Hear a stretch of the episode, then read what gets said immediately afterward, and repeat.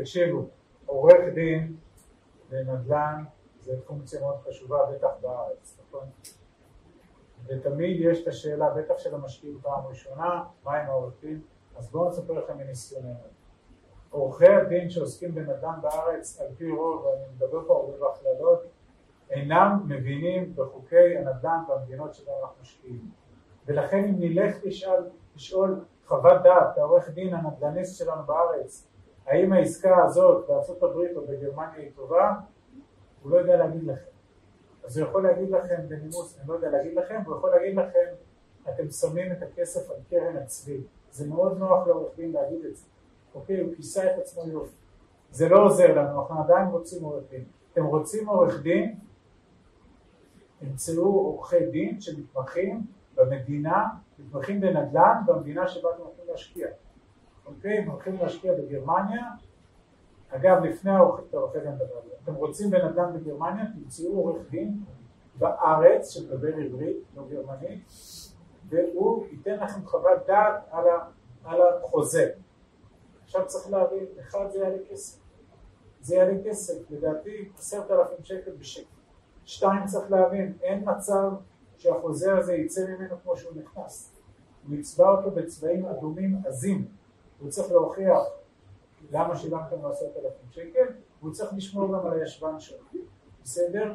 ולכן הוא יצבע את זה. אחרי הצבעים העזים צריך להבין האם הם סמנטיים או מהותיים. אין חוזה שעורך דין יראה, אפילו יעברו עליו עכשיו 100 עורכי דין, יהיה לו מה להעיר. בשביל זה יש להם 800 בפסיכומטרים, מבלבלים את המוח.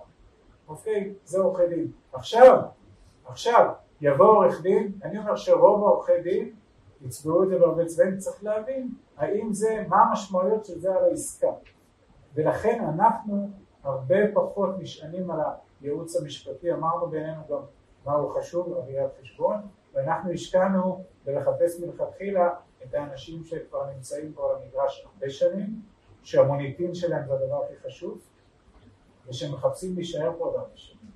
ולכן הסבירות שהם יחפשו לעקוץ אותי ואת הגר או אתכם היא מאוד מאוד נמוכה, בסדר? ולכן גם צריך להבין אם חברה רצה כבר 12, 13, 15 שנה בשוק עם חוזה שהוא יחסית אחיד, מה שנקרא, וכנראה יש להם בתוך האלף או אלף חמש מאות משקיעים חמישים או מאה עורכי דין, מישהו כבר חרש את הדבר הזה, אוקיי? השקיעו פה כבר עורכי דין, מתוך ניהול הסיכונים, אני לא אומר לא להתייעץ עם עורכי דין, אוקיי? מי שרוצה, אני אומר אחד צריך למצוא את המתאים, שתיים צריך להבין שזה יעלה כסף, שלוש צריך לראות, אין מצב שהוא לא מקשקש על החוזה, וארבע צריך להבין אם זה מהותי או לא.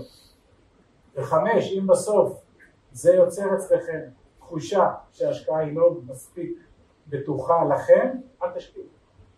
אוקיי? אנחנו תמיד אומרים לאנשים, ישבתם עכשיו עם כל השחקני אלפא שלנו, אנחנו משקיעים איתם כבר חמש-שש שנים, נורא מרוצים, באתם, זה לא עבר לכם טוב בטרסריון, הבנתם את העסקה, הבנתם את הכל, משהו לא הריח לכם טוב, קומו ותלכו, אל תשקיעו.